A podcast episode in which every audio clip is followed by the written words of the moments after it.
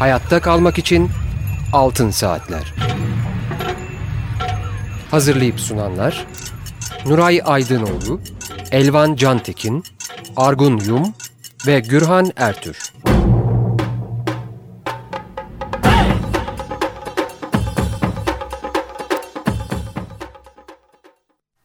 Açık Radyo 94.9'da Altın Saatler programını dinliyorsunuz. Bugünkü programı ben Gürhan Ertür sunuyorum. Telefon numaramız alan kodu 212 343 40 40. Elektronik posta adresimiz acikradyo.com.tr Efendim Altın Saatler programlarının ses kayıtlarını Açık Radyo'nun internet sitesinde acikradyo.com.tr adresinde podcast bölümünde dinleyebilir. Arzu ettiğiniz takdirde kopyalayabilirsiniz. Yılın ilk programının destekçisi Aysun Altaç'a teşekkürlerimizi iletiyoruz Açık Radyo mikrofonlarından. Ee, biliyorsunuz yılın e, geçen yılın son programlarını her zaman olduğu gibi her yıl olduğu gibi e, yılın değerlendirmelerine ayırmıştık. Aynı şekilde yılın ilk e, programlarını da e, gene 2014 değerlendirmesine ayırıyoruz. E, yılın ilk programında bugün Murat Çakır'a bağlanacağız. Murat Çakır arkadaşımız İş Sağlığı ve İş Güvenliği Meclisi üyesi ve kendisinden İş Sağlığı ve İş Güvenliği Meclisi'nin 2014 yılı e, raporuna ilişkin bilgiler alacağız. Sanıyorum şu anda e, hattımızda e, Murat Çakır. Merhabalar. E, merhaba, nasılsınız? Çok teşekkürler, sağ olun. Siz nasılsınız? İyiyim, sağ olun. Çalışıyorum. Evet, e, daha önceki telefon görüşmemizde de belirttiniz 2014 e, raporunu toparlıyorsunuz. Murat Bey, e, siz uzun zamandır iş sağlığı ve iş güvenliği e, raporunu, e, aylık raporları ve yıllık raporları topluyorsunuz ve bizim dikkatimize sunuyorsunuz. Oldukça da artık etkili oldu. E, nihayet merkez medyada yer vermeye başladı. Oradaki bazı programcılar özellikle e, çok da e, isabetli, e, iyi yayınlar yapmaya başladılar. E, şöyle bir tarihçesini aktarabilir misiniz? Ne zaman başladınız? Nasıl başladınız? Biz bunu 2013 yılı bittiğinde de 2014 yılının başında da gene sormuştuk sizlere. Ee, bir e, kısa özet yapabilir misiniz? Bir tarihçi alabilir miyiz sizden? Tabii ki. E, işi sağlığı mücadelesi e, emek hareketi açısından e, ücret ve istihdam e, işsizliğe karşı mücadeleden sonra gelen bir başlıkıydı. E, ancak 2007 e, yılından sonra önce Tuzla tersanelerinde olan ölümler, e, peşine silikoz e, kod kullanma işçilerinin silikozize yakalanması ve buna karşı mücadele, e, keza Davutpaşa patlaması e, sonrası olan mücadelelerle beraber e, işi sağlığı, iş cinayetleri dediğimiz e, iş kazaları e, emek hareketinde, kamuoyunda gündemine girdi. Yalnız birbirinden yalıtık e, ve bölgesel olarak e, olan mücadeleleriydi. E, bunları koordine etmek e, ve e, eksik olan yönlerini tamamlamak e, ve e, bir bütünsel mücadele e, haline getirmek e, gerekiyordu. Bu anlamda 2010 yılının sonundan itibaren ama resmen 2011 yılının Mart ayından itibaren e, emek ve e, meslek örgütleri, iş aileleri, e, yine e, akademisyenler, gazeteciler e, ve e, bireysel olarak birçok insanın da katılımıyla e, bir e, koordinasyon, bir e, emek örgütlenmesi oluşturmaya çalıştık. E, İşçi Sağlığı Güvenliği Meclisi'nin e, ilk oluşumu böyle.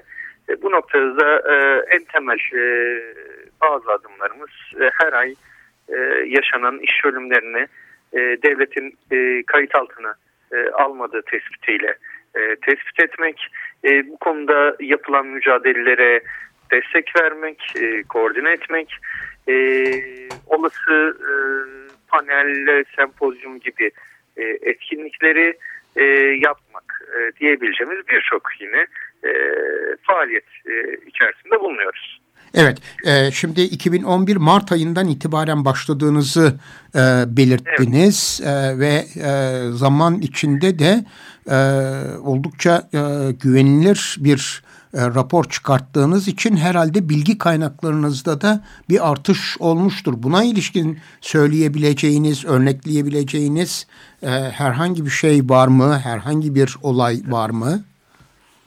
E, tabii. E, şimdi biz 2012 yılında iş cinayetleri raporunda 878 ölümü, iş ölümünü kayıt altına aldık. Geçen sene 1235 e, işçi ölümü olarak tespit ettik. Bu sene 1886 iş evet. bölümü olarak tespit ettik. Rakamları bir daha tekrarlayalım mı lütfen? Tabii. E, 2012 yılında e, 878 evet. iş ölümünü tespit ettik. E, 2013 yılında 1235, e, 2014 yılında ise 1886 işçi ölümünü tespit ettik ama buna en az şerhini koyuyoruz. Çünkü e, bizim e, kaynaklarımız, bilgiye ulaşımımız e, devlete göre oldukça kısıtlı. E, bizim bu açıklamamızdan e, çok daha fazla iş ölümü gerçekleştiğini biliyoruz ve e, devletin de bunu açıklamasını istiyoruz. Ancak e, örneğin 2012 yılında en son açıklanan e, SGK e, iş kazaları istatistiğinde 745 iş ölümü evet. e, tespit edilmiş. Oysa e, devletin e, gerek iş müfettişleri gerek sosyal güvenlik kurumunun birçok e, vasıtasıyla adli tabip, hastane kayıtları, karakol kayıtları gibi e, çok yönlü çaprazlama karşılaştırmalar yaparak e, Türkiye'deki e, iş ölümlerini tespit edebileceğini düşünüyoruz. Ancak var olan sosyal güvenlik mekanizması e, bir bunu tespit edemeyecek duruma gelmiş durumda. İki e, gizlendiğini de düşünüyoruz açıkçası. Evet. Evet sizin için işçi ölümü olabilmesi e, için yani işçi ölümü kategorisinde ele alınması için e, neler gerekiyor? Çünkü e, bazen e, yolda gerçekleşen kazalar vesaire de söz konusu ama oralarda da e, oldukça objektif kriterleriniz var. Onları da dinleyicilerimizle paylaşabilir misiniz lütfen? E, tabii. E, şimdi e, Türkiye'de birinci olarak çalışan sayısına dair bir tartışma var. E, Sosyal Güvenlik Kurumu 11 milyon çalışan olduğunu e, resmi olarak açıklıyor. E, buna e, uzman arkadaşlarımız e, 6-7 milyon kayıt dışı çalışan olduğunu söylüyorlar. E, diğer yandan Türkiye İstatistik Kurumu'nun Eylül 2014 verilerine bakıyorum. E, Türkiye'de iş gücü nüfusunun 29 milyonun üstünde olduğunu belirtiyor. Evet. Yani esasında e, çalışan nüfusumuz 77-78 milyonluk ülkede e, 30 milyon. E, şimdi e, ikinci olarak yasal olarak devletin belli kısıtları var. Yani ev hizmetleri, güvenlik sektöründe çalışanlar e, ya da çiftçi gibi ya da vatandaş olmayan işçilerin e, iş kazaları e, kapsamına girmiyor 60-31 sayılı yasaya göre biz birinci olarak böyle bir kısıtlama almıyoruz. Yani e, buradaki temel kriterimiz çalışırken e, yaralanan, hastalanan ya da yaşamını yitirmek e, olarak bir kriter almanın doğru olduğunu düşünüyoruz. İkinci olaraksa bu çalışma e, içerisinde şöyle bir şey giriyor. E, şimdi 4857 sayılı iş kanununda e, haftada 45 saatlik bir e, çalışma e, süresi söyleniyor. E, ayda 180 saate ancak e, İLO araştırmalarında 53 saat Türkiye'de çalışma e, süresi ortalama olarak her hafta e, bizim e, bunun da üstünde olabileceğini ne düşünüyoruz? Birinci şeyimiz bu. İki e, buna e, şimdi işe e, giderken e, gelirken olan e, süreçleri de eklemek gerekiyor. Örneğin Soma maden işçilerinin e, 8 saat e, çalıştığını e, söylüyoruz. Ama e, Soma maden işçileri en az e, bir, bir buçuk saatlik bir servis yoluyla madenlere gidiyorlardı. Bunu da hesaba kattığımız zaman en basitinden maden işçileri bile 10-11 saatlik bir çalışma süresine sahipler. Buna büyük şehirlerdeki insanlarımızı da kattığımız zaman evet e, iş yerleri ne bağlı olarak servislerle bile gitmesi insanlarımız nasıl gidecekler? Bir şekilde kendi imkanlarıyla gidecekler. Ee, İstanbul'da biliyorsunuz e, özellikle dün bugün mesela kar kış olduğu zaman da bu mesafe e, daha da e, çoğalıyor ve bu işe gidip gelme süreçlerini de iş saati içerisine, çalışma saatleri içerisine almak gerektiğini düşünüyoruz. Yoksa şöyle bir şey oluyor. E, şimdi gelişmiş bir ülke dediğimiz örneğin Almanya'da bile e, öğle yemeği arasında e, geçen sene bir e, yasa çıktı. E, gerçekleşen kazalar iş kazası sayılmayacak. E, şimdi eğer e, bizler e, emek e, cephesi olarak var olan e, yasaları e, daha geliştirmeye, e, daha emekçinin lehine uygulanabilir hale getirmez isek e, Almanya'da bile bunun örneğini söyledim Almanya'da bile böyle olurken Türkiye'de çok daha e, vahim tabloları yol açması söz konusu olarak e, önümüze geliyor. Evet. Şimdi e, sizin e, her yıl e, her ay yapmış olduğunuz bu e, çalışmada aynı zamanda e, göçmen işçileri de e, ele aldınız ve göçmen işçiler e, konusunda da raporları yayınlamaya başladınız. E, evet. O konuda da bir kısa bilgi alabilir miyiz? Bunun gerekçesi nedir? E, neden bunu da dahil ediyorsunuz? Şimdi bizim e, birçok program var biliyorsunuz. Göçmenlik, mültecilik gibi. Şimdi biz bunları esasında tek bir kategori olarak değerlendirmek istedik. Çünkü tam olarak tespit etme şansımız yok. Yani burada e, yasal olarak mı çalışıyor yoksa kaçak olarak mı gelmiş ama e, genel olarak göçmen işçilerin çok çok büyük bir yüzdesi kaçak. Özellikle Suriye'deki savaştan sonra Tabii. insanlar savaştan kaçarak e, Türkiye'ye geliyorlar ancak burada çalışırken yaşamlarını yitiriyorlar. 2014 yılında bizim tespit ettiğimiz 53 göçmen işçinin yaşamını yitirdi. E, bu çok e, yüksek bir e, rakam. E, eskiden Türkiye e, Avrupa Birliği ülkelerine geçişte bir e, transit ülke olarak gözüküyordu. Avrupa'dan ya da Pakistan, e, Bangladeş e, civarından e, göçmenler gelir Türkiye üzerinden e, Avrupa Birliği'ne geçiş yaparlardı. Ancak şimdi kalıcı olarak e, Türkiye'de kaldıklarını ve istihdam edildiklerini görüyoruz. Bunlar birkaç şekilde. Şimdi e, zaten eskiden beri madenlerde Çinli işçiler çalışıyordu. Çinli firmalar tarafından getiriliyordu. E, birinci olarak Çinli işçilerin ölümü mevcut e, Türkiye'de. İki, e, Gürcü ve İranlı gibi daha eski dönemlerden beri Türkiye'ye gelen özellikle tarımda çalışan Karadeniz'de işçiler mevcuttu. Onların ölümleri mevcut ancak e, çok büyük bir e, çoğunluğu Suriyeli işçi. Şimdi belli her şehre göre her bölgeye göre kriterler de oluşmuş. Suriyeli işçiler e, genelde e, e, yoğun e, emek gücüne, kas gücüne dayalı işlerde çalışıyorlar. Mevsimlik tarım gibi, inşaat gibi. E, bu da e, mesela bir şehirde gördüm e, Türk işçilere 80 lira, Kürt işçilere 55 lira, Suriyeli işçilere 30 lira gibi bir yövmiye e, düzeni oluşturulmuştu. Bunu farklı farklı arkadaşlarla konuştuğumuzda herkes kendi memleketinde e, benzer bir şey olduğunu, ücretlerin değiştiğini ama en düşük olarak Hatay'da mesela 10 liraya kadar düştüğünü Suriyeli işçilerin inşaatta çalışırken ücret aldığını söylüyorlar.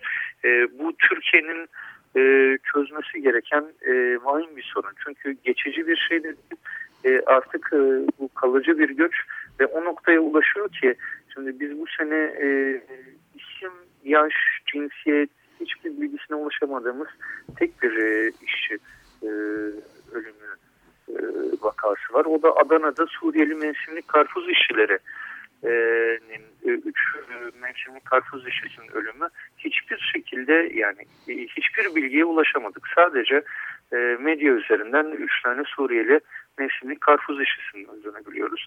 Yani durum bu noktada yani e, isimlerini, cinsiyetlerini, yaşlarına ya da hani hayatlarına dair hiçbir bilgi öğrenemeyeceğimiz duruma gelmiş durumda.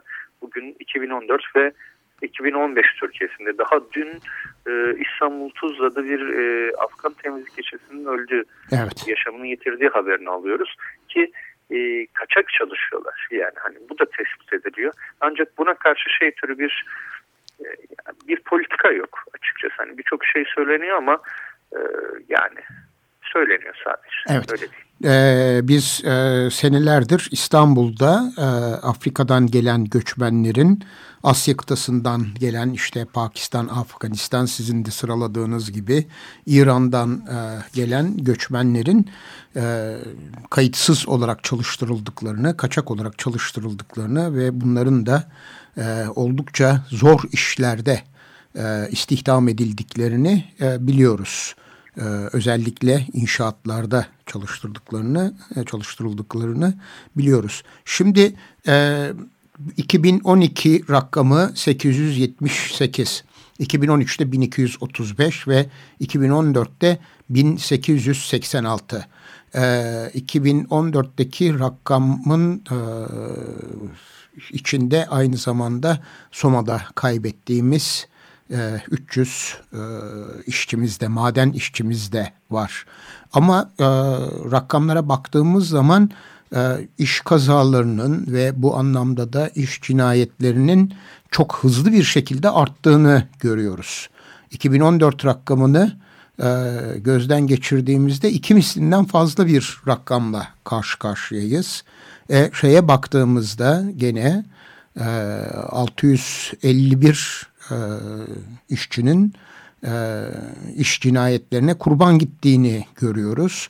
E, bu e, yükselişten hareketle yaptığınız bir değerlendirme var mı acaba e, iş güvenliği meclisi olarak? E, şimdi e, birinci olarak bizim öznel durumumuzla e, alakalı bir şey olduğunu söyleyebilirim. Yani bizim evet. imkanlarımız genişledikçe iş ölümlerine daha fazla bilgisine ulaşabiliyorsunuz. Oluyor. Evet. Evet, bize de bildirimler geliyor. Şimdi e, yani Türkiye'de e, şimdi devlet istatistikleri o kadar şey ki e, şimdi şöyle bir istatistik tutuluyor. Bir iş ölümü gerçekleştikten sonra onun bir dosya kapama süreci oluyor. Bu dosya örneğin 2005 yılında bir e, iş ölümü gerçekleşebiliyor. Eğer o dosya 2014 yılında kapatılıyorsa o işin ölümü 2014 yılında yansıyor. SGK istatistiklerinin genel özelliği bu ve iki sene sonra açıklanıyor. Şimdi 2012'den sonra bu ay 2013 yılı SGK iş kazaları istatistiğinin açıklanması gerekiyor. Bunun şöyle bir dezavantajı da oluyor ve istenildiği gibi de oynanabiliyor. Bir dosya kapama olarak iş ölümleri, insan hayatı gözüküyor. İkinci olarak da işte bir yıl 1700 iş ölümü diye açıklamışlardı 3 e, sene evvel. Daha sonra 745 işçi yaşamını yitirdi deniyor. %57'lik azalma oldu deniyor. Yani buna göre e, bir e, hükümet istediği gibi e, politik olarak söylemlerde bulunabiliyor. Rakamlarla Şimdi, oynayabiliyor. Tabii ki 4 yıllık bir e, programları var açıklanan 2014-2018 geçen gün elime geçti. %20 iş kazalarını azaltacağız diyorlar ama şimdi Türkiye'de e, biz e, her yıl ortalama 1500 civarında işin öldüğü e, konusunda hem fikir olmamız gerekiyor en azından. Bunun çok daha üstünde olduğunu biliyoruz. Ki buna tespit edemediğimiz meslek hastalıkları katmamız gerekiyor ve buradan bir tablo oluşturmamız gerekiyor. Türkiye ekonomisinin büyümesi ve küçülmesine göre ufak tefek oynamalar olabilir ama Türkiye e, dünyada e, iş ölümlerinin en çok yaşandığı birkaç ülkeden birisi.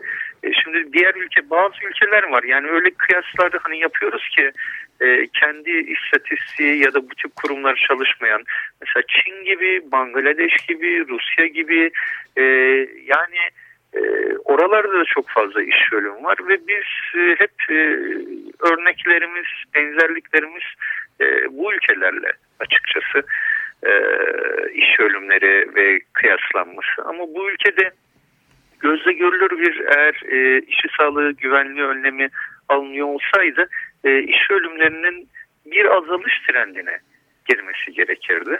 Ancak bunun olmadığını görüyoruz. Şimdi biz mesela e, şöyle bir şey söyleyeyim. en basitinden taşeron yasak çalışma yasaklanmış olsa yani tanımsız çalışma açıkçası yasaklanmış olsa bu ülkede işçi ölümleri göze görülür bir şekilde azalabilir. Ya da şimdi yasa çıkartılıyor iki sendikaya aynı anda üye olabilirsiniz deniyor. E bugün e, her yerde işçi direnişleri oluyor. En temel nedeni de sendikalaşmak ya da e, özellikle hükümet güdümündeki sendikalardan hükümet güdümünde olmayan sendikalara eğer üye olursanız işten atılıyorsunuz. Ama sendikal özgürlükler yok demek oluyor bu açıkçası.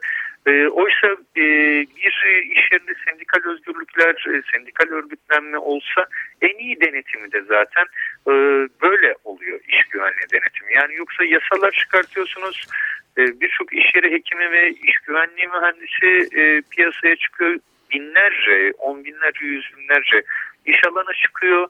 E, bunlar e, açıkçası iş güvenliği yapamayacak bir e, mekanizma oluşturuyorsunuz. Ortak sağlık güvenlik birimleri oluşturuluyor. E, OSGB'ler oluşturuluyor. Bunlar e, birçok iş yerine işte her ay bir saatlik, iki saatlik iş yeri hekimi, iş güvenliği uzmanı götürüyor. Ama e, temel sorunlar e, var olduğu sürece e, bunun çözümlenme şansı yok ve Türkiye'de e, iş ölümleri, işçi sağlığı sorunu giderek kötüleşiyor. Şimdi e, yine e, TBMM'de bir e, 6331 sayılı iş sağlığı güvenliği kanununa dair bir revizasyon e, var maddelerde gördüm.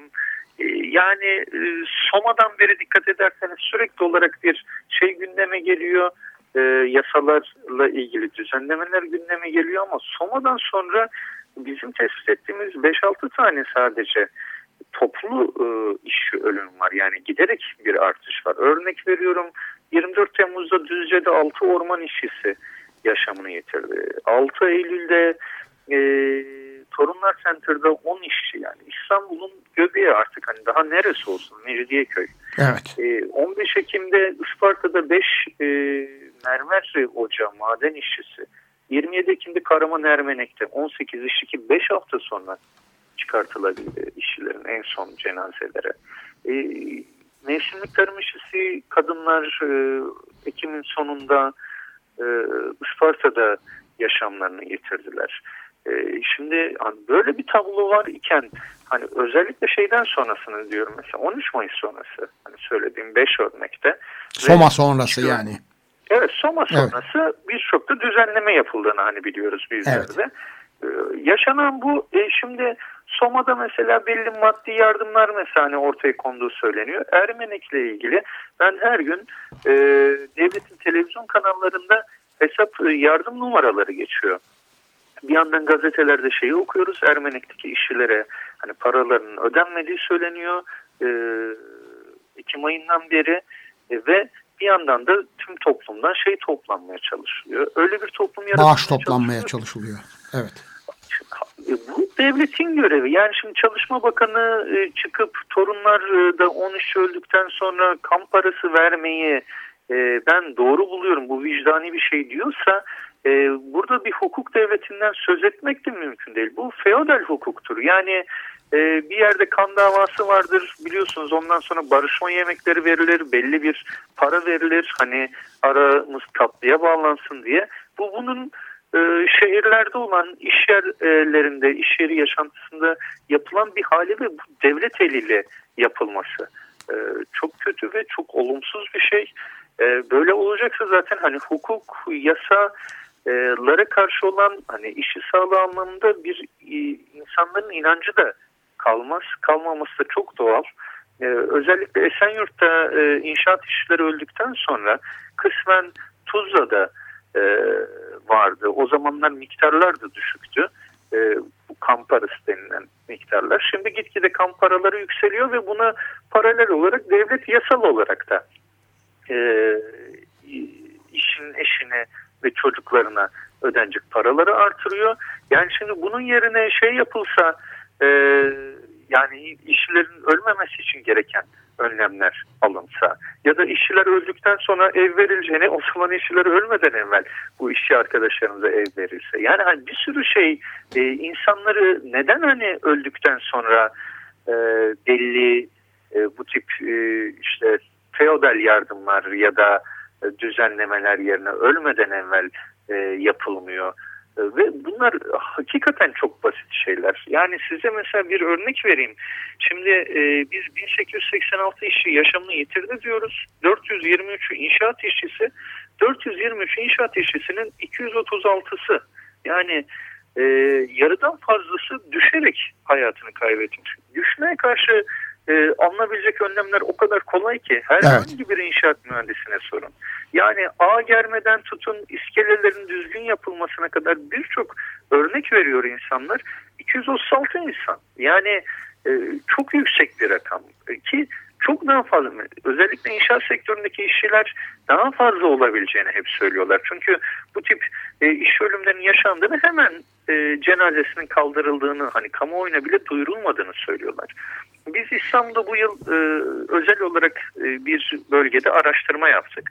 Ve İstanbul'da ulaştığımız ölümlerin yarısına buradan dolaylı ulaştık. Hani sahada yaptığımız bir çalışmadan ne medyaya yansıyor ne başka bir yere yansıyor. E, ama e, ve bizzat hani iş yolunda da değil iş yerinde olan ölümleri tespit ettik. E, şimdi böyle bir tabloyu tüm Türkiye'ye doğru e, düşündüğümüz zaman ortaya çok korkunç rakamlar çıkıyor. Ama diğer yandan da şimdi mesela madenlerde gördünüz e, şimdi insanlar işsiz kalıyor. E, işsizlik şey gösteriliyor. İşi sağlığı önlemleriyle sanki karşıtmış gibi yani işi sağlığı önlemleri alınırsa madenler kapanır insanlarımız işsiz kalır gibi gösteriliyor. Ve böylece insanlar şeye mahkum edilmeye çalışılıyor. Yani ya, en azından hani aç kalmayalım. Hani ölecek evet. de.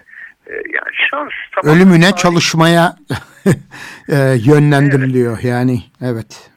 E, ve evet. bunlar da... E, bir şey söyleyeyim. Tabii. Bu konu hakkında. Türkiye'nin bir numaralı e, devlet ismi. Cumhurbaşkanı Recep Tayyip Erdoğan fıtrat diyor. Evet bu yaşananlara. Maalesef. Şimdi ben en son lise 2'ye giden e, lise e, de okuyan yeğenim var. Felsefe e, dersine yardım ediyordum ve çok ilginç bir şekilde fıtrat felsefesi diye e, Türkiye Cumhuriyeti e, Devleti'nin ders kitabında okutulan bir şey gördüm. Hayatımda ilk defa duyuyorum böyle bir şeyi. Yani ben de lisede felsefe okudum. Sözel bilim de üniversitede okudum. Fıtrat felsefesi ilk defa böyle bir şey duydum. Gördüm, okudum. Bu felsefe kitabı, lise felsefe kitabında mı? Evet, lise felsefe kitabında fıtrat felsefe ve özellikle de sordum Hı. yeğenime ya bu nedir diye ben anlamadım dedim. Hani böyle bir şey mi var diye sordum. Fıtrat felsefesi bildiğiniz esasında kader evet. e, anlatıyor ve çok şaşırdım. Yani açıkçası ülkemizde şey de artık değişiyor. Yani e, en e, eğitim sisteminden tutun şeye kadar e, bu yaşananların normal e, kabul edilmesi gerektiğine dair. Çünkü e, biliyorsunuz devlet e, dine de her zaman müdahale ediyor. Diyanet işleri hutbe e, çıkartıyor. İşte e, iş aşırı iş güvenliği tedbiri istemek e, şeydir diye, günahtır diye e, Diyanet işlerinden böyle bir hutbe geliyor ise e, zaten hani söyleyecek bir şey kalmıyor. Hani devletin iş güvenliğine bakışını açıkçası şey yapıyor yani iki şekilde yani bir piyasa e, bir parasal döngü olarak görüyor. İkinci olarak da bunu hani kaza fıtrat diyerek e, iş ölümlerinden etkilenen kesimlere dair bir şey oluşturmaya çalışıyor ve böyle bir e, sürdürülebilir bir e, yönetim mekanizması oluşturmaya çalıştığını düşünüyorum. Yani bazen arkadaşlarımız soruyorlar hani iş cinayetleri, e, iş ölümleri azalacak mı diye. E, ben hep aynı şeyi söylüyorum. Öyle bir emek rejimi Türkiye'de oturtturulmaya çalışılıyor ki yani bir yanda e, işin e, iş güvenliği alanı piyasa e, mekanizmaları içinde olacak.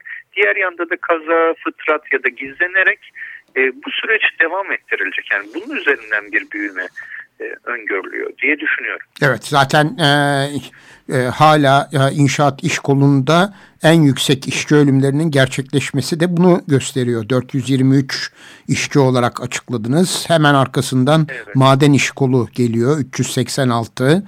Tarım iş kolunda da 309 işçi can vermiş.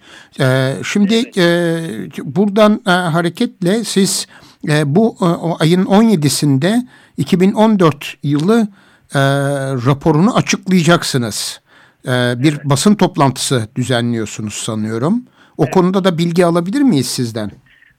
Tabii. E, 17 Ocak e, Cumartesi günü saat 12'de Makine Mühendisleri Odası İstanbul Şubesi'nde Beyoğlu'nda e, bir e, toplantı salonunda bir basın e, toplantısı düzenleyeceğiz. Buna bizim ana bileşenlerimiz olan emek meslek örgütlerinden birer temsilci de katılacak. Yani diskten, KESK'ten, Sendikal Güç Birliği platformundan, e, TMMOB'den, e, Tabip Odası'ndan ve barolardan.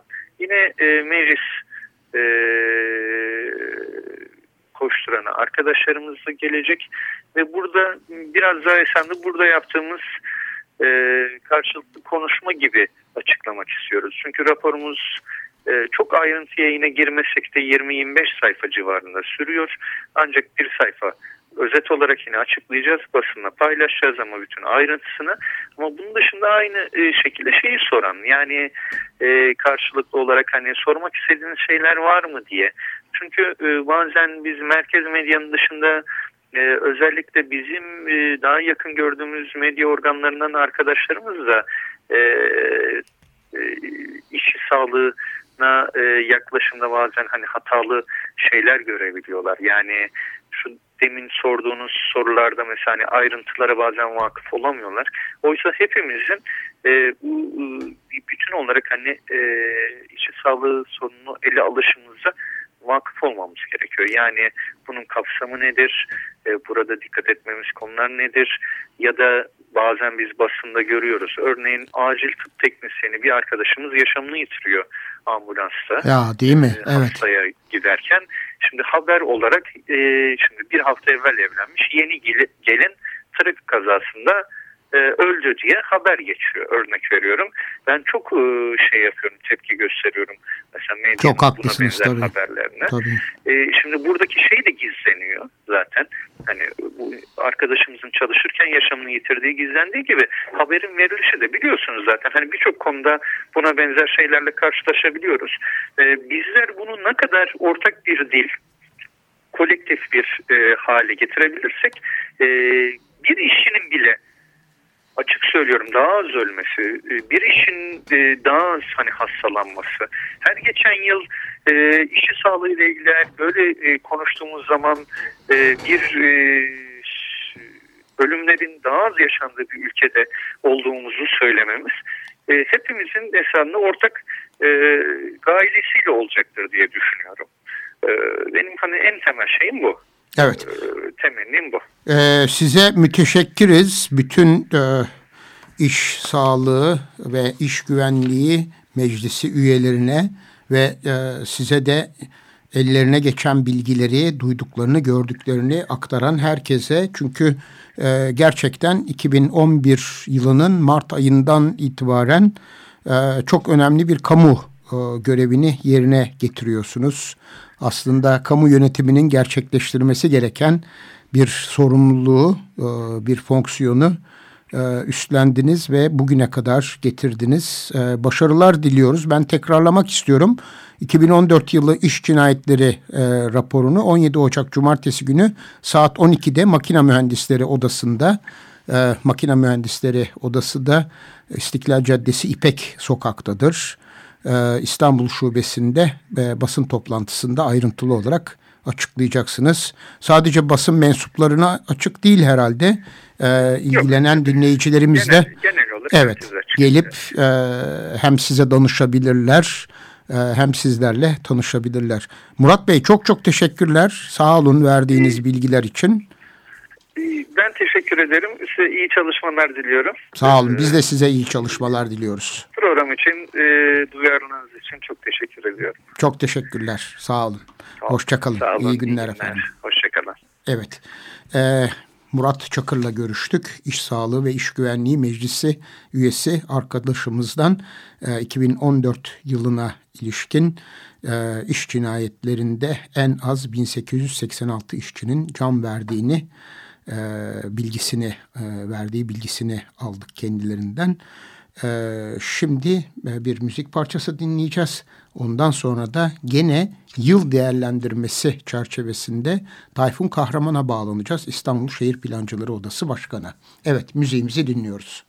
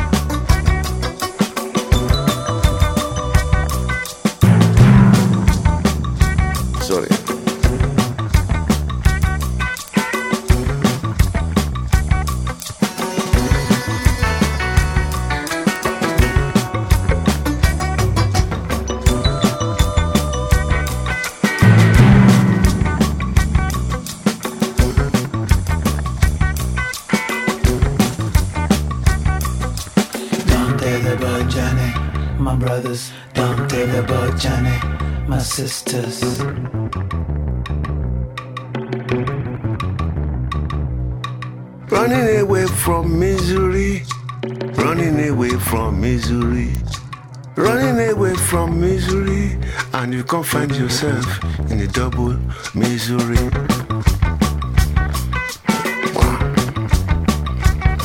You don't decide to leave your misery behind from the bad situation in your country. You decide to leave misery behind from the bad situation in your country. Now you jump into the boat now you jump into the boat to cross the ocean with all your family. Looking, looking for better situation across the ocean, but you never arrive. Don't take the boat journey, my brothers.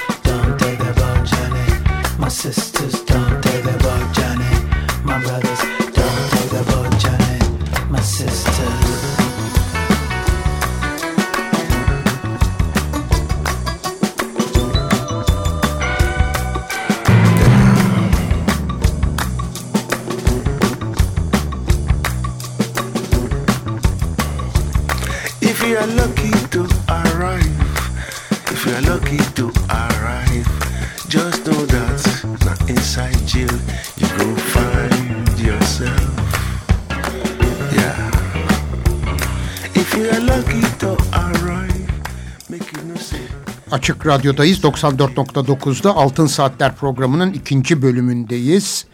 Evet, e, Tayfun Kahraman telefon hattımızda. Tayfun Bey merhabalar. Merhabalar Gürhan Bey.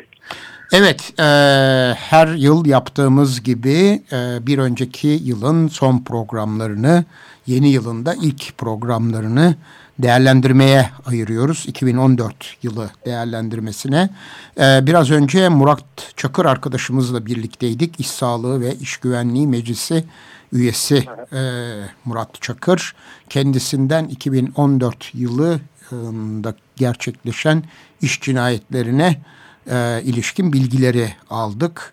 E, siz de biliyorsunuz tablo son derece kötü ve yıllar içinde de e, çok ciddi bir artışla karşı karşıyayız. 2012 yılında 878, 13'te 1235, geçen yıl ise 1886. Şimdi böyle başladık tabii ama e, Tayfun Bey size ilk önce şu 2014'ten şehir plancıları olarak ya bu da çok iyi oldu dediğiniz ee, birkaç şeyi almak istiyorum. Birkaç e, bilgi, birkaç örnek. Ne dersiniz? Var mı? Yani bu da e, çok iyi oldu e, diyebileceğimiz bir örnek esasında düşünmemiştim ama e, olsaydı emin olun ki ilk fırsatta aklıma gelmiş olurdu. E, 2014'te e, gerçekten de hani bu da oldu ve e, çok iyi oldu diyeceğimiz e, neler oldu derseniz açıkçası çok da e, aklıma gelmiyor. Daha doğrusu evet. e, böyle bir şey gerçekleşti mi onu da bilmiyorum. Evet aklınıza Ama... gelirse önümüzdeki hafta bizi arayın hemen programı alalım ve dinleyicilerimize e, ulaştıralım. Evet. evet. Keşke olmasaydı diyeceğimiz çok şey var tabii. Evet. Kente ilişkin e, çok e, olumsuz haber verdik ve hala da bu evet. tabii devam ediyor. Ama e, bir uzman olarak e, şehir plancısı olarak, şehir plancıları odası olarak e, size soralım. 2014'ü nasıl değerlendiriyorsunuz? Şöyle biliyorsunuz her sene biz bir almanak çalışması yapıyoruz. Hatta o yılı değerlendiren, o yıla ilişkin e, gündem başlıklarını ve o yıl olan kente ilişkin, özellikle İstanbul'a ilişkin e, bütün gündemleri e, ortaya dökmeye çalışan bir almanak yapıyoruz. Şu anda da onun hazırlıkları içerisindeyiz. İsterseniz ondan da bahsederek şöyle cevap vereyim. Yani bu yıl içerisinde yine e, İstanbul'da, İstanbul üzerinde özellikle e, konu konusunda hiç zorluk çekmedik. Hatta e, pek çok konu arasında elemeler yapmak zorunda kaldık. E, İstanbul'da bu dönem içerisinde pek çok şey oldu. Biliyorsunuz bir yerel seçim atlattık en önemlisi. Ve çokça e, yine projelerin tartışıldığı, projelerin konuşulduğu bir yerel seçim süreci yaşadık. Bu yerel seçim sürecinde e, siz de hatırlarsınız e, aynı projelerin pek çoğunun özellikle İstanbul'da gerçekleştirilen e, büyük altyapı projelerinin ne yazık ki devam edeceği yönünde bir söylenme karşı karşıyaydık ki şu anda onlar devam ediyor. Bunlar nedir derseniz özellikle Üçüncü köprü büyük bir doğa yıkımından neden oldu. Hepimiz bu fotoğrafları e, hafızalarımıza artık kazıdık e, ve çok iyi biliyoruz ki Kuzey Ormanları'nda bugün büyük bir e, katliam yaşanıyor ne yazık ki. Bunun yanında üçüncü havalimanı e, aynı şekilde orman alanı içerisinde e, devam eden ve e, bugünlerde planları hazırlandığı söylenen e, yani o çılgın proje Kanal İstanbul projesi de devam ediyor. İstanbul için 2014'ün e, çok da parlak bir yıl olmadığını özellikle bu devam eden Kuzey Ormanları'nda devam eden inşaat faaliyeti nedeniyle İstanbul'un geleceğinin de ipotek altına e, bu yılda da ne yazık ki alınmaya devam edildiğini söylemek gerekiyor. Evet, e, şimdi TOKİ Başkanı e, 3 Ocak tarihinde bir açıklama yaptı ve Hürriyet Gazetesi de bunu kaliteli itiraf, e, itiraf başlığıyla verdi. Artık kalitesiz malzeme kullanmayacaklarını açıklamışlar. Ee, ama tabii yani kaliteli... İstanbul'da TOKİ üst sınıf e, konut yaptığı için İstanbul'da zaten kalitesiz malzeme e, çoğu projesinde kullanılmıyor. Biliyorsunuz bunlar gelir paylaşım modeliyle yapıyor. Evet. Ve bunların hepsi de e, ultra lüks e, konutlar oluyor. O nedenle İstanbul'daki bu lüks projeler içerisinde böyle bir tartışma çok yok. Evet zaten e, esas mesele şu yani e, inşaatı yapacak ama e, malzemesini kaliteli mi kalitesiz mi e, problemin orada olduğunu düşünüyor TOKİ Başkanı. Yani, e, bir, bir, bir yığın alanın hatta işte afetlerde toplanma alanları, parklar, bahçeler e, veya e, gelecekte kamu alanları olarak kullanılabilecek e, birçok yerin e, lüks konutlara ayrılmasının e, sorun olup olmadığı üzerinde e, durmuyor. Evet yani. Evet esas İstanbul'daki e, Gürhan Bey esas sıkıntımız sizin de altını çizdiğiniz bu konu. Kamu mülkiyetinde olan yerlere bizler ne yazık ki e, TOKİ kanalıyla ya da özelleştirme idaresi kanalıyla ya da başka kurumlar e, kanallarıyla e, bu alanlardan kar edilebilecek alanlar olarak bakıyoruz. Şimdi böyle bir bakış açısına sahip olduğumuz sürece de emin olun biz sağlıklı bir kentleşmeden e, yıl ne olursa olsun e, geçtiğimiz 2014 yılında bir aynı örneği gösterdi. Hiçbir şekilde e, nasiplenemeyeceğiz ve sağlıklı bir kentleşme doğru ilerleyemeyeceğiz. Sonuç bu olarak görünüyor. Ne yazık ki sizin bahsettiğiniz altını çizdiğiniz özellikle yöneticilerimizde ve siyasetçilerde yer alan e, bu algıyı değiştirmeliyiz sürece. Çünkü bizler kamu mülklerine e, kentsel donatı eksikliklerini yerine getirmek yani yeşil alan, açık alan, e, deprem esnasında toplanacak alan şeklindeki eksikliklerimizi yerine getirmek yerine bunlara satılıp üzerlerinde lüks konut yapılabilecek kentsel araziler olarak bakıyoruz. Bu algımız değişmediği sürece de bizler sürekli olarak bu senaryoyla karşı karşıya kalacağız ne yazık ki. Evet, e, şimdi e, 2014 e, yılında e, İstanbul Büyükşehir Belediye Başkanı Kadir Topbaş bir açıklama yaptı ve bu açıklamasında da e, İstanbul'da e, bundan sonra daha dikkatli olacaklarına dair bunu e, hissettirecek bir mesaj verdi. Fakat bu açıklamanın en önemli tarafı da şuydu. İstanbul'un sadece yüzde ellisi için konuşabiliyorum dedi. E, bu demecini hatırlıyor musunuz Kadir Topbaş'ın? Evet, evet. Yani İstanbul'un %50'sinden ne kastettiğini gerçekten açıkçası anlamak çok güç. İstanbul'un hangi bölgeleri buna dahil, hangi bölgeleri dahil değil gerçekten şey. Ee, ama şunu da kastetmiş olabilir e, Kadir Topbaş. Biliyorsunuz İstanbul'da sadece plan yapmaya ya da bu alanları projelendirmeye özellikle son yasal düzenlemelerle birlikte İstanbul Büyükşehir Belediyesi e, sahip değil. Bu yetkiye aynı zamanda Çevre Şehircilik Bakanlığı ve pek çok kurum kuruluş daha sahip. E, bunlardan bahsediyor olabilir e, Kadir Topbaş. Evet evet esas E, olarak bundan bahsediyor tabii. Ee, yani e, o e, bahsettiği şey de doğru. Çünkü şu anda bakıyorsunuz geçtiğimiz yıl e, neler oldu diye 2014'te Çevre Şehircilik Bakanlığı İstanbul'da yine yüzlerce plan değişikliği onayladı. Bunlardan bir tanesi biliyorsunuz e, Etiler'deki e, meslek okulunun, e, polis meslek okulunun olduğu alan. Bunun yanında e, bizlerin dava konusu ettiği, davayı kazandığımız Zekeriya Köy'deki orman arazisi içerisinde yapılması planlanan ve bugünlerde reklamları dönen proje yeniden imar planıyla birlikte askere çıkartıldı. Ee, gibi gibi yani Fatih Ormanı'nda biliyorsunuz yeni bir şey var, imar planı değişikliği var. Evet. Ee, yani bunun gibi pek çok e, alanda özellikle Zeytinburnu bölgesinde biliyorsunuz bu son dönemde e, Turizm Bakanlığı'nın Çevre Şehircilik Bakanlığı yapmış olduğu pek çok plan değişikliği var. E, bu alanda Zeytinburnu'nda şu anda gökdelenler yükselmeye devam ediyor. Bu alanda pek çok plan değişikliği gerçekleşiyor. 2014 yılında sadece İstanbul Büyükşehir Belediyesi hatta İstanbul Büyükşehir Belediyesi'nin etkinliğinin düştüğünü tam tersi Çevre Şehircilik Bakanlığı özelleştirme idaresi kurumların etkinliğinin, toplu konut idaresi gibi kurumların etkinliğinin arttığını görüyoruz. Özellikle bu ayrıcalıklı imar haklarıyla birlikte düzenlenmiş e, kamu mülklerinde ya da e, özel mülkiyetteki araziler üzerinden. Evet, e, Zeytinburnu demek ki 2015'te de gündemimizi işgal edecek. 2015'in gündemine e, aktarılan e, konuları şöyle bir hatırlayabildiğimiz kadarıyla özetleyebilir miyiz dinleyicilerimize? Ee, tabii e, bir tanesi biliyorsunuz Polonezköy e, çok konuşuldu. Polonezköy, e, Polonezköy planları e, hatırlarsanız Polonezköy planlarının gündeme gelmesiyle birlikte özellikle Polonezköy'de turizm ve kültür e, üzerinden yapı, yaratılacak bir gelişme e, algısı, vizyonu ile birlikte bu alanda büyük bir yapılaşma e, ortaya çıkartılmasını öngören bir plan çalışması gündeme geldi. Bu konuşuldu. E, şehrizar konakları konuşuldu. Hatırlarsanız e, tapelerde de e, geçen, Geçen, e, evet. bu e, projenin satışları neredeyse tamamlandı. Bizler dördüncü davamızı kazandık ve dördüncü kez buranın iptali gündeme geldi. Lakin şu anda e, yapı kullanım izin belgeleri yani diğer tabirle iskan belgeleri alınmış birer binadan bahsediyoruz. O, burada hemen bir şeyi sormak istiyorum çünkü bu çok merak edilen bir konu. Ee, şimdi birinci davayı kazanıyorsunuz sonra ne oluyor? Birdenbire başka bir e, planla mı karşılaşıyorsunuz? Onu, onu e, bir açıklayabilir misiniz? Dört, çok dört doğru. dava önemli bir şey çünkü.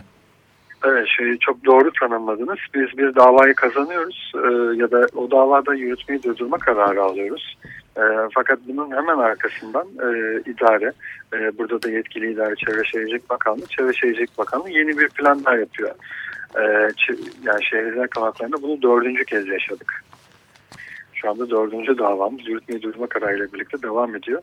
Lakin burada özellikle yenilenen planlar nedeniyle e, yapı ruhsatları da yenilendiğinden yapı ruhsatları yenilendiği için biz yeni dava açmamıza rağmen inşaat projeleri devam edebiliyor ve devam ettikten sonra da şu an olduğu gibi fiili olarak inşaatlar tamamlanmış. Bizlerin hukuki mücadelesi hatta hukuk kararları içe sayılmış hale geliyor. Ki bu büyük bir hukuk atlatmadır aynı zamanda ve suçtur. Bu konudaki e, yaptığımız bütün suç duyuruları da ne yazık ki kabul görmüyor ve geri dönüyor. Evet. Ee, 2014 yılına ilişkin Şehir Plancıları Odası bütün bu bilgileri aktaracak bir rapor hazırlığı içinde mi acaba? Evet şu anda bir almanak çalışmasını hazırlıyoruz. Büyük oranda tamamlandı. Arkadaşlarımız son mizampajlarını gerçekleştiriyorlar. Çok yakın bir tarihte e, hem e, PDF yani sayısal formatta e, hem de e, basılı olarak e, bu yayını kamuoyuyla paylaşacağız. Evet e, o zaman da bir program mutlaka gerçekleştiririz. Tabii, Şimdi e, sırayla devam edelim. Zeytinburnu dedik, Polonez köy dedik, konaklardan bahsettik. O, onun dışında 2015'te e, gündemimizi meşgul edecek diğer alanlar hangileri? Tabii eğitim alanlarından bahsettik.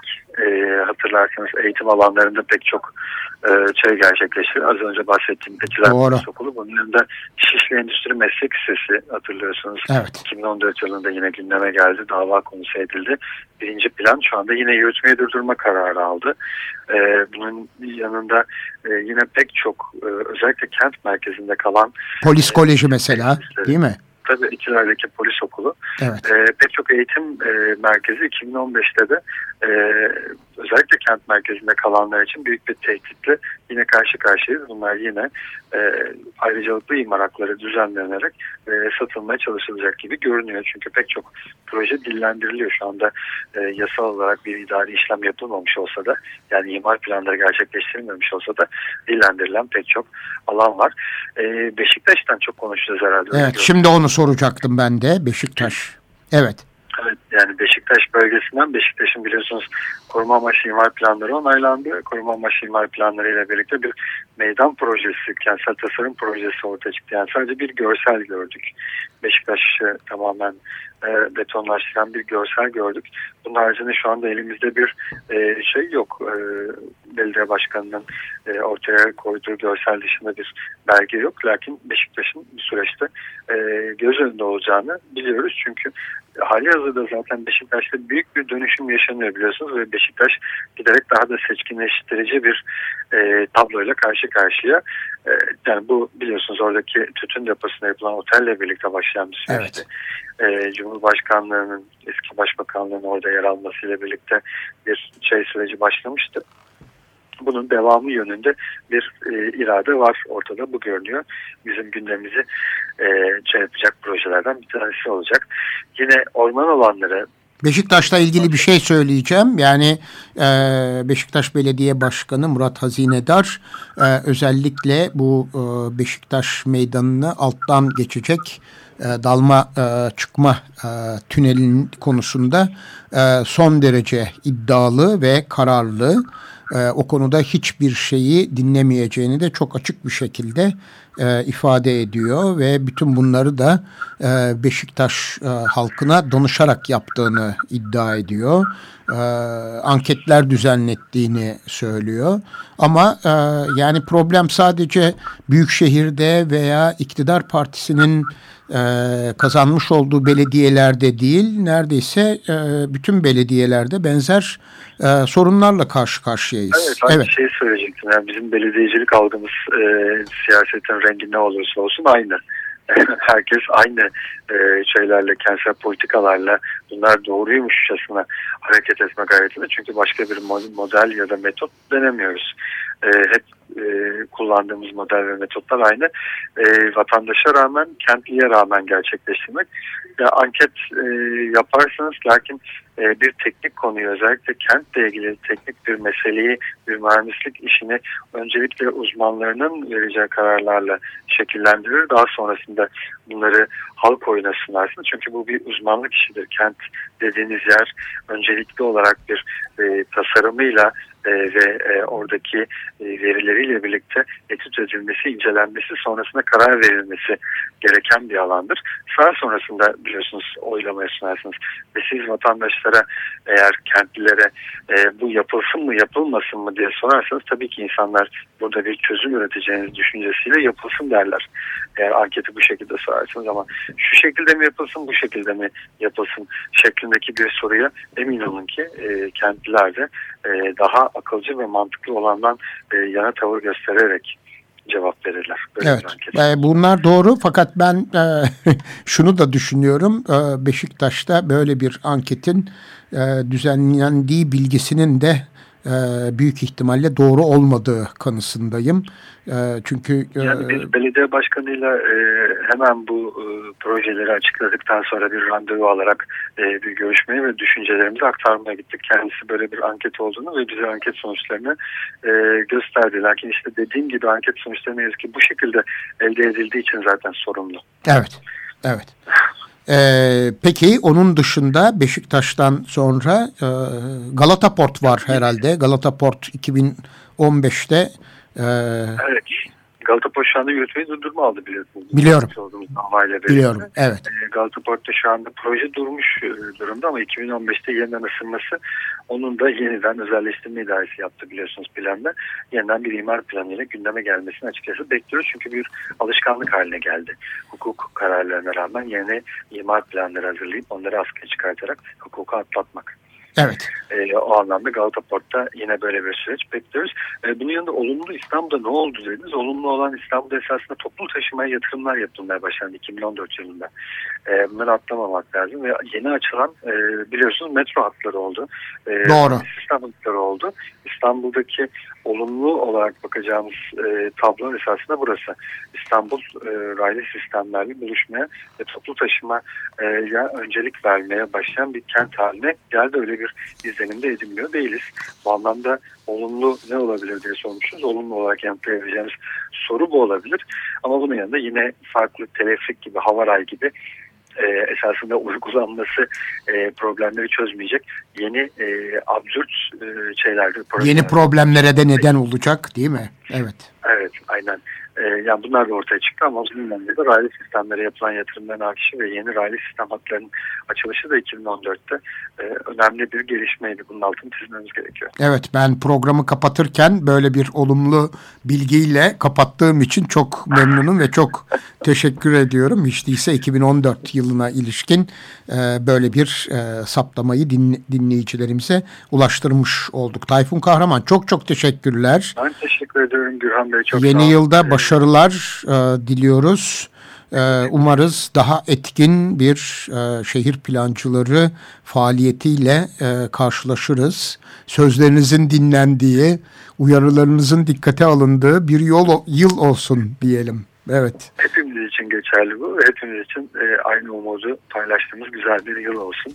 İnşallah Almanak da yayınlandığında tekrar sizinle stüdyoda. Evet yeni bir program yaparız mutlaka. Tekrar konuşuruz. Çok çok teşekkürler. İyi günler. Teşekkür Hoşçakalın. ederim. Sağ olun. İyi yayınlar. Evet efendim Altın Saatler programının 775 sini bugün gerçekleştirdik. Yeni yılın ilk haftasında iki konuğumuza telefonla ulaştık. Murat Çakır İş Sağlığı ve İş Güvenliği Meclisi'nin raporunu 2014 raporunu bize aktardı. Tayfun Kahraman İstanbul Şehir Plancıları Odası Başkanı 2014 yılı değerlendirmelerini ve 2015 Şın gündem maddelerini sıraladı. Gelecek hafta yeni bir Altın Saatler programında görüşmek dileğiyle. Hoşçakalınız.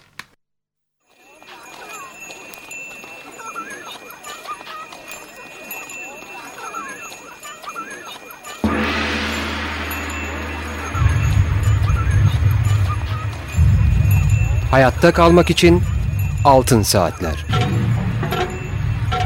Hazırlayıp sunanlar Nuray Aydınoğlu, Elvan Cantekin, Argun Yum ve Gürhan Ertür.